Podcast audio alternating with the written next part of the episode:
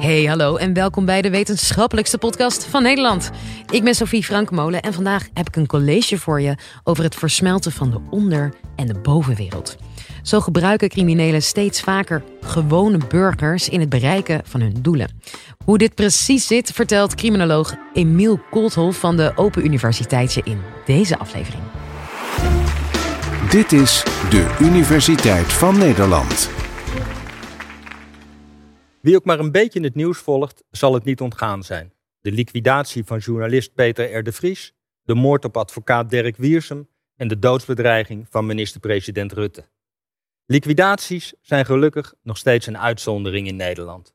Maar 15 jaar geleden was het haast niet voor te stellen dat dit überhaupt kon gebeuren. Toen ik zelf in een vorig leven nog bij de politie werkte, leek de misdaad veel overzichtelijker en makkelijker aan te pakken. Toen hadden we het nog over relatief onschuldige straatdealers en kleine criminelen. Nu zie je dat mensen uit de bovenwereld, een journalist, een advocaat en de minister-president, steeds vaker doelwit zijn van de onderwereld. De onder- en de bovenwereld komen steeds dichter bij elkaar. En niet alleen door criminele afrekeningen en bedreigingen, maar ook omdat criminelen steeds vaker gebruik maken van legale diensten en samenwerken met gewone burgers. Als hoogleraar criminologie ben ik daarin geïnteresseerd en probeer ik te achterhalen hoe die wisselwerking tussen de onder- en de bovenwereld werkt.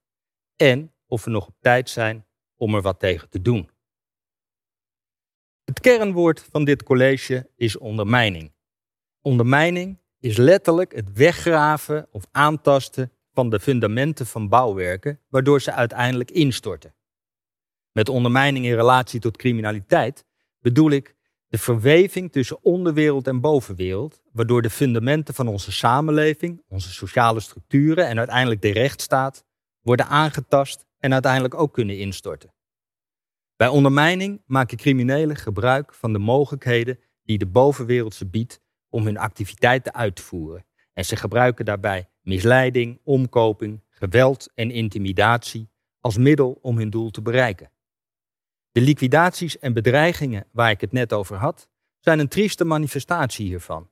Een waarschuwing aan alle journalisten, advocaten en politici dat ze criminelen niet te veel dwars moeten zitten. In de afgelopen decennia is het landschap van de zware criminaliteit aanmerkelijk veranderd. Zo'n 25 jaar geleden probeerden criminelen vooral onder de radar te blijven. Zolang de overheid niet doorhad waar je mee bezig was, zat je goed. En dat is veranderd. Criminele organisaties zijn zo groot geworden en er gaat zo ongelooflijk veel geld om in die industrie, dat ze het vrijwel niet meer alleen kunnen. We spreken nu van georganiseerde misdaad en misdaadondernemingen. Als crimineel ben je een ondernemer geworden. Het doel is, net als bij een normaal bedrijf, veel geld verdienen. En daarvoor moet je samenwerken met meerdere mensen en ben je afhankelijk van diensten die andere partijen leveren. Onder andere diensten uit de bovenwereld. Denk bijvoorbeeld aan hoe een drugsnetwerk misbruik maakt van onze uitstekende infrastructuur om zo drugs te smokkelen. Of denk aan het verhuren van een loods of leegstaande schuur voor hennepteelt. Of wat dacht je van het krijgen van een vergunning van een gemeente? Of de hulp bij financiële transacties, zoals het witwassen van geld. Witwassen van geld is altijd strafbaar, maar op zichzelf geen ondermijning. Maar als je iemand uit de bovenwereld voor je karretje weet te spannen, die jou helpt met je financiële transacties, dan wordt het wel ondermijning. En dat gebruik maken van gewone burgers komt steeds vaker voor.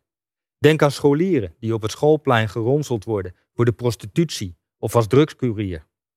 Of een havenarbeider die aan een crimineel zijn pasje uitleent. Ook dat is ondermijning. Maar ook de overheid kan aan ondermijning doen. Bijvoorbeeld door een vergunning te verstrekken aan een crimineel, omdat dat goed is voor de financiën van de stad. Of een wethouder die tegen zijn handhavers zegt dat ze niet mogen handhaven op een bepaald industrieterrein, omdat de gemeente daar andere, meestal financiële, belangen heeft. Het overkoepelende probleem is dat je niet meer weet wie je nog kunt vertrouwen.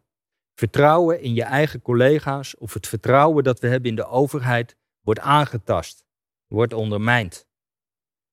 Dit klinkt voor de meeste mensen als een ver van je bedshow. Of iets wat alleen maar in Amerika of Italië voorkomt. Maar Nederland is hier een uitermate geschikt land voor. Het woord ondermijning kennen ze in het buitenland niet eens. Dat zegt al een heleboel. We hebben onszelf ontwikkeld tot een heel aantrekkelijk drugsland. 90% van de georganiseerde criminaliteit in Nederland is drugsgerelateerd. Dat heeft te maken met onze infrastructuur, onze ligging, onze havens, goede verbindingen met het buitenland, financiële dienstverlening en ICT-netwerk, maar ook zeker met onze coulante houding. Leven en laten leven, niet te veel controle, niet te veel staatstoezicht en als het even kan, gedogen.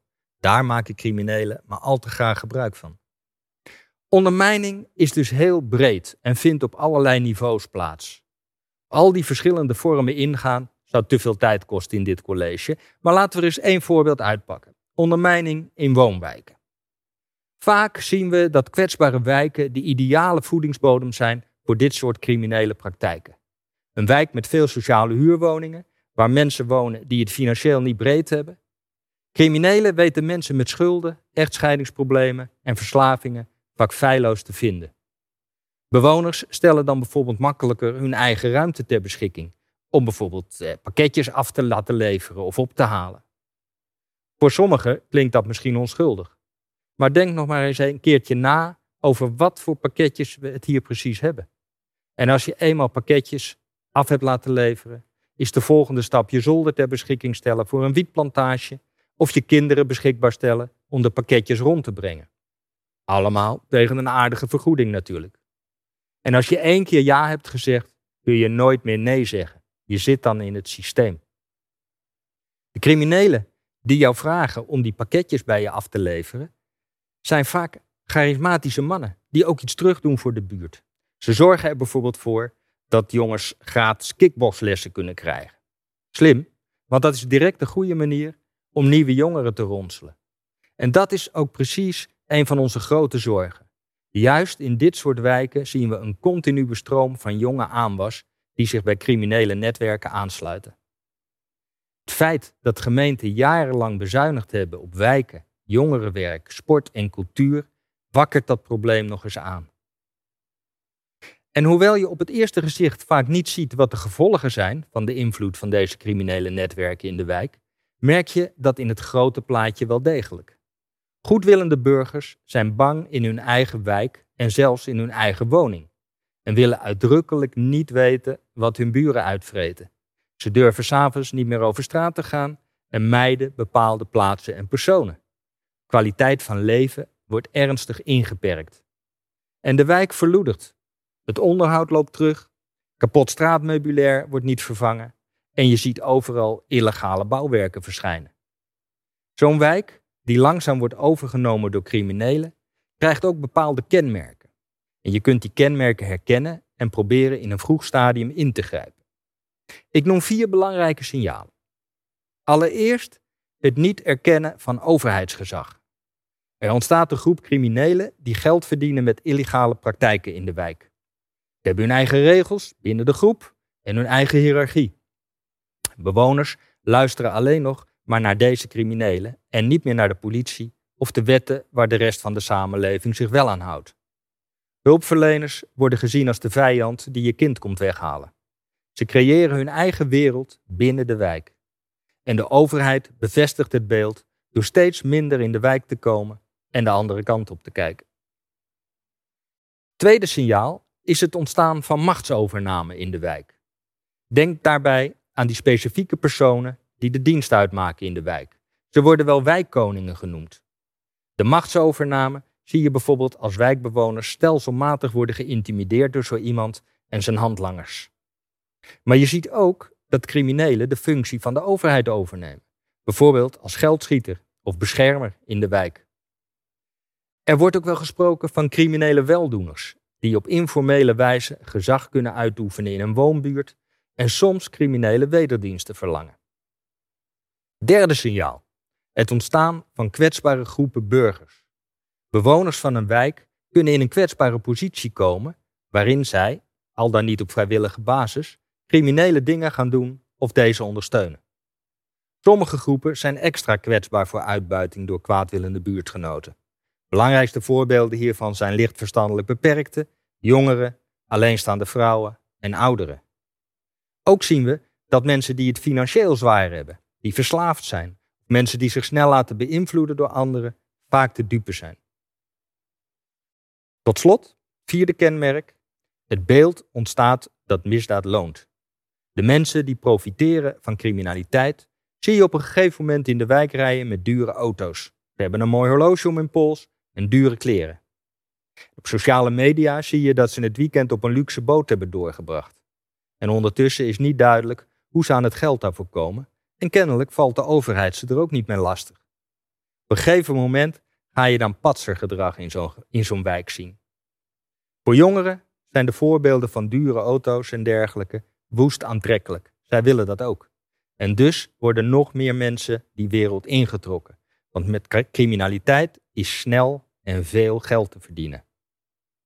Een aantal van de mechanismen die hier aan het werk zijn, spelen ook een rol bij de aan het begin van dit college genoemde liquidaties.